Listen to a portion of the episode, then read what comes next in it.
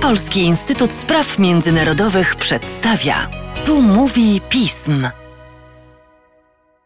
Tu mówi pism. Przy mikrofonie Mateusz Józwiak, a wraz ze mną nasza ekspertka oraz analityczka do spraw Federacji Rosyjskiej Agnieszka Legucka. Cześć Agnieszko. Cześć Mateuszu, dzięki za zaproszenie. Agnieszko, trwa kryzys na wschodniej granicy Unii Europejskiej. Ubiegłej nocy doszło do kolejnych prób forsowania polsko-białoruskiej granicy. Kryzys dotyka nie tylko nas Polaków, ale przecież również Litwę i Łotwę, a to wszystko rodzi wiele pytań i wątpliwości.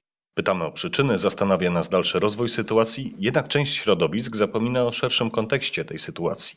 Ostatnio w mediach społecznościowych można było spotkać się z oczywistym w odpowiedzi, choć również prowokacyjnym pytaniem ze strony Marka Galottiego. Czy Łukaszenka może działać tak śmiało bez zielonego światła ze strony Władimira Putina? Jak w takim razie można mierzyć stopień zaangażowania Rosji w kryzys migracyjny i czy w ogóle możliwe jest wyjście z tej sytuacji bez rozmów ze stroną rosyjską? Tak, Marka Galottiego wiele osób oskarżyło o bycie właśnie prorosyjskim, oczywiście tutaj agentem w dużym e, cudzysłowie, dlatego że raczej byłby ostatnią osobą, która mogłaby sprzyjać Rosji. Jest to, jest to ekspert, który zna się na Rosji, pisał o świadku przestępczym w Rosji, wielokrotnie pisał o tym, jak Zachód źle czyta Władimira Putina.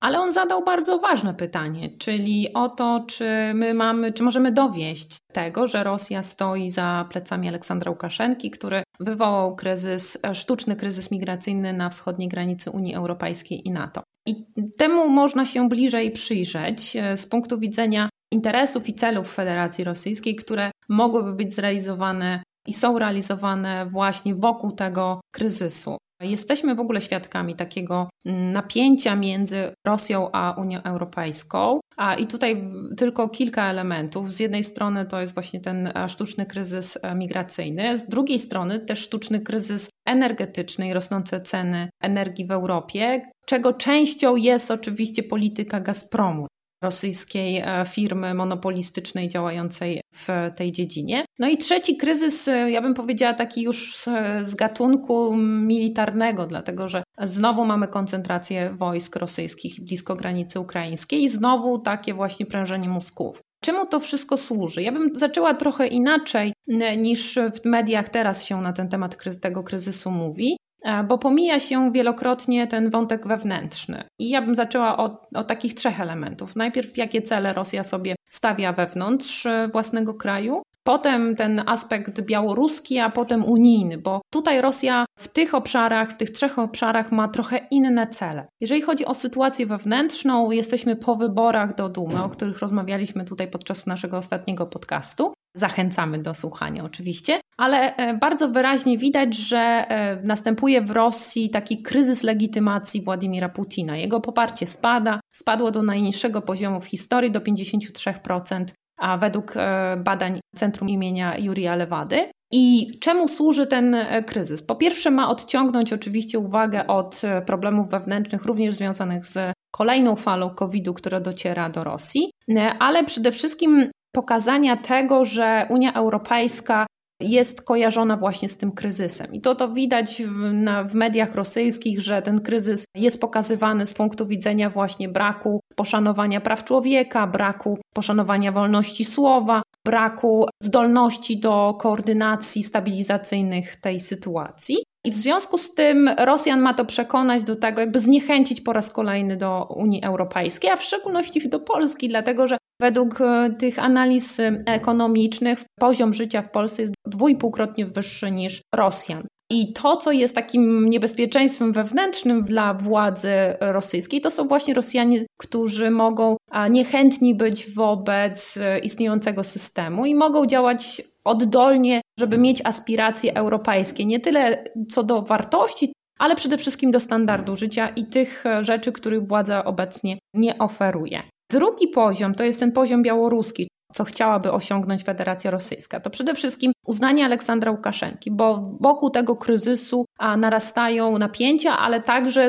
potrzeby, rozmowy z Aleksandrem Łukaszenką. No to Rosji zależałoby na tym, że po tym całym kryzysie politycznym od 2020 roku Unia Europejska wychodzi, czy też nawet przywódcy Unii Europejskiej wychodzą i rozmawiają z Aleksandrem Łukaszenką no, legitymując go wewnętrznie i dając mu prawo do rządzenia e, dalej, a przez to też utrzymywania wpływów rosyjskich w tym państwie. Ale z drugiej strony można pokazać, że taki wykreowany kryzys na zewnątrz państwa związkowego Białorusi i Rosji no rodzi coś, coś, co się określa w literaturze jako dylemat bezpieczeństwa. Że właśnie koncentracja wojsk na wschodniej flance NATO w wyniku tego kryzysu będzie asumptem do tego, żeby przekonywać Rosjan, że trzeba mieć wzmocnioną obecność wojskową na Białorusi, czyli na przykład bazy wojskowe. W takiej perspektywie długoterminowej, że jeżeli nie będzie Aleksandra Łukaszenki, no to nadal pozycja rosyjska będzie umocniona w tym państwie już na wiele, wiele lat. Ja mówię tak bardzo skrótowo, oczywiście każdy z tych elementów możemy, możemy sobie rozwinąć. Ale przypomina to dobrze znane na obszarze poradzieckim i sprawdzone działania,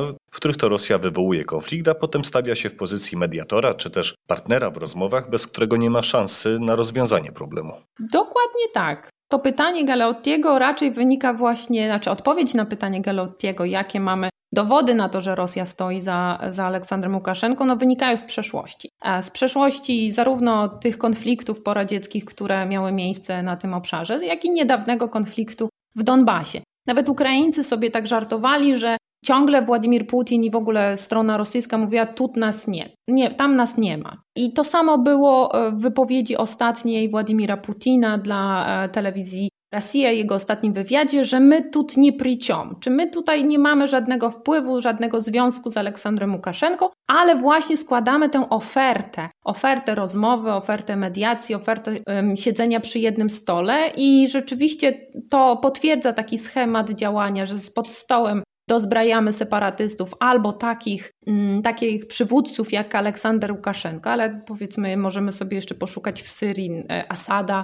Ja bym to nazwała takimi spoilerami, czyli osobami, które są e, liderami dzięki między innymi wsparciu politycznemu i finansowemu, militarnemu Federacji Rosyjskiej i samego Władimira Putina. No i tutaj jest ten trzeci obszar, gdzie rosyjska, rosyjska strona może mieć określone cele właśnie w odniesieniu do tych mediacji, bo budując takie napięcia długoterminowe, my musimy zdawać sobie sprawę, że Rosji nie zależy na tymczasowych elementach destabilizacji, bo wtedy nie ugrywa dużo. To rzeczywiście takie sytuacje kryzysowe raczej konsolidują wspólnotę, jak na przykład Unię Europejską i NATO. Tutaj widać, że jest duża mobilizacja tego, żeby przeciwdziałać, ale w długoterminowej perspektywie takie działania, takie kryzysy potrafią właśnie powodować, że w Europie Zachodniej czy w Stanach Zjednoczonych rodzą się propozycje, no dobrze, to porozmawiajmy z Władimirem Putinem, bo to jest jedyna osoba, która jest w stanie wpłynąć na przykład na Aleksandra Łukaszenkę. I to jest prawda, tak, ale manipulacja tym wszystkim powoduje, że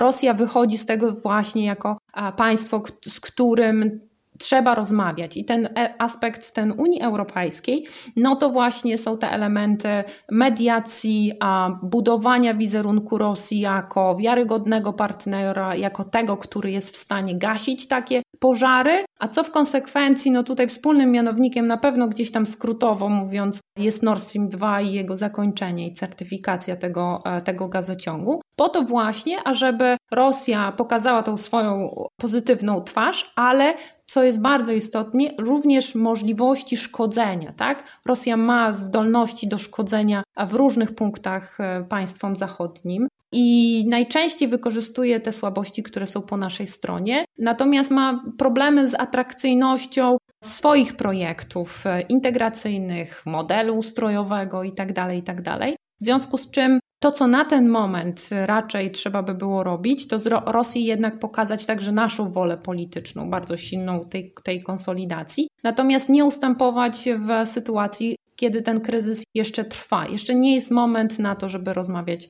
z Federacją Rosyjską, a przynajmniej, tak jak powiedziałeś, Rosja nie jest częścią, a rozwiązanie jest częścią zawsze takich problemów. A czy istnieją jakieś procedury lub narzędzia sprawiające, że Rosja będzie obawiać się wykonywać takie ruchy na arenie międzynarodowej? Wydaje mi się, że są takie możliwości i nie wiem, czy one są do końca zrealizowane, dlatego że Rosja przesuwa często te, te granice, czerwone granice po naszej stronie, bo jeżeli chodzi o ten kolektywny Zachód czy zdolności Zachodu, to oczywiście potencjał mamy większy do tego, żeby oddziaływać na Federację Rosyjską. Nie ma tej właśnie woli politycznej, żeby uruchomić te zdolności, które posiadamy względem Federacji Rosyjskiej. To, co teraz robi Polska jest e, z jednej strony pokazaniem woli politycznej, że nie poddamy się e, sytuacji, która jest generowana na zewnątrz naszych granic, więc to jest bardzo pozytywny element i oni muszą to brać pod uwagę. Rosjanie szanują siłę, dialog i rozmowy traktują jako słabość, pod warunkiem, że ta przeciwna strona nie ma ważniejszych, większych, ważniejszych czy też lepszych kart na stole. I te lepsze karty to jest zawsze, jednak jesteśmy tymi naczyniami połączonymi, jeżeli chodzi o energetykę. I Rosji naprawdę zależy na tym, żebyśmy cały czas jako Zachód mieli zdolności wypłacania nasz, tych pieniędzy, które Rosja zarabia na sprzedaży surowców energetycznych. Więc można tym grać. Tutaj można grać oczywiście, tylko że trzeba by było to oczywiście do, przerzucić na stronę niemiecką. Można grać właśnie certyfikacją Nord Stream 2. No i tutaj jesteśmy w takim momencie, w którym jest gra nerwów, kto kogo bardziej przetrzyma, czy nowy rząd, który właśnie się e, konsoliduje i tworzy w, w Niemczech. Wiemy dobrze, że tam e, zaczynają odgrywać większą rolę, jeżeli chodzi o politykę zagraniczną zieloni. Oni są bardzo mocno przeciwni temu projektowi. I nawet niewielkie zmiany w sposobie eksploatacji tego gazociągu mogą pokrzyżować rosyjskie plany, bo oczywiście odcięcie tranzytu gazowego przez Białoruś czy Ukrainę będzie dla Rosji na ten moment bardzo trudne, w momencie, kiedy jeszcze nie można uruchomić Nord Stream 2. Więc narzędzia są, woli politycznej jak na razie nie ma. W takim razie to już ostatnie pytanie. Jak według Ciebie będzie rozwijać się kryzys na wschodniej granicy Unii i jakich dalszych kroków możemy spodziewać się po Rosji? No, tak jak wspomniałam, kryzys na pewno będzie długoterminowy i on będzie się rozciągał na, na granicy polsko-białoruskiej. To, czego ja się obawiam, to tego, że białoruskie władze będą chciały przerzucić część migrantów na odcinek ukraiński, a rozproszyć te działania właśnie z wykorzystaniem migrantów. To okropnie brzmi, ale z wykorzystaniem właśnie e, migrantów na różnych odcinkach. Oni ciągle przybywają na terytorium Białorusi. Natomiast właśnie można tak powiedzieć, że Rosjanie testują zdolności nie tylko Zachodu, ale także Ukrainy, czyli szukają tych punktów, przez które mogliby wpływać na politykę wewnętrzną. Przypomnijmy, że w 2016 roku zupełnie też taki sztuczny kryzys migracyjny Rosja wywołała w bezpośredniej relacji z Finlandią. A, I przymusiła Finów do tego, żeby utrzymali e, te kanały dyplomatyczne na takim poziomie, jak to było dotychczas,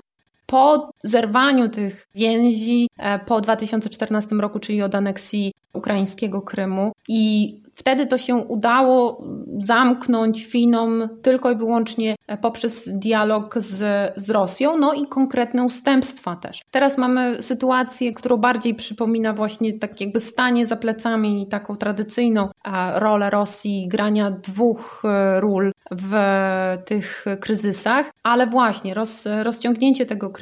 Potem możemy oczekiwać e, różnego rodzaju prowokacji ze strony to, co się na przykład działo na Ukrainie, tituszek, czyli takich osób, które w przebraniu niejako um, zaczynają różnego rodzaju rozruby, demonstracje, incydenty z użyciem siły i biorąc pod uwagę to, że e, ci migranci cały czas płyną, to takie sytuacje mogą zdarzyć się również na terytorium Polski, co również wzburzy emocje i e, silną polaryzację społeczną, a polaryzacja społeczna zawsze osłabia państwo jako takie, w związku z czym to jest także w interesie Rosji. Cały ten wachlarz możliwości kryzysowych, e, która właśnie Rosja stwarza, jest rozpisany na wiele scenariuszy i Rosjanie zwykle tak działają, że właśnie testują e, nasze zdolności, nasze możliwości, sposoby reagowania, ale jednocześnie tych scenariuszy jest na tyle dużo, że w określonych sytuacjach, kiedy w jednym miejscu nie można, próbują w drugim, to te scenariusze realizują. Więc w momencie, kiedy my nie pozwolimy, my jako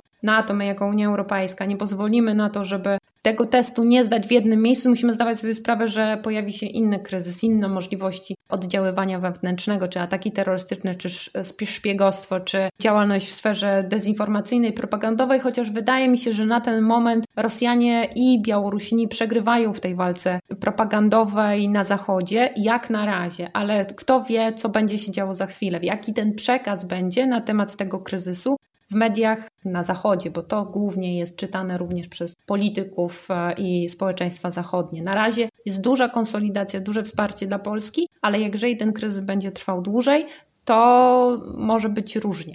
Szanowni Państwo, to nie pierwszy raz, kiedy o tym wspominamy, ale chrońmy się przed rosyjską dezinformacją i czerpmy wiedzę o wydarzeniach za naszej wschodniej granicy ze sprawdzonych, weryfikowalnych źródeł. O tym, co dalej z kryzysem migracyjnym i działaniami Federacji Rosyjskiej, mam nadzieję, jeszcze będzie okazja wspólnie porozmawiać z Tobą, Agnieszko. Na pewno będziemy śledzić sytuację. Tymczasem dziękuję Ci za dzisiejszy podcast, To ja dziękuję bardzo. A Państwa zachęcam do śledzenia naszej strony internetowej, czytania najnowszych biuletynów i komentarzy, śledzenia mediów społecznościowych i cóż, do usłyszenia.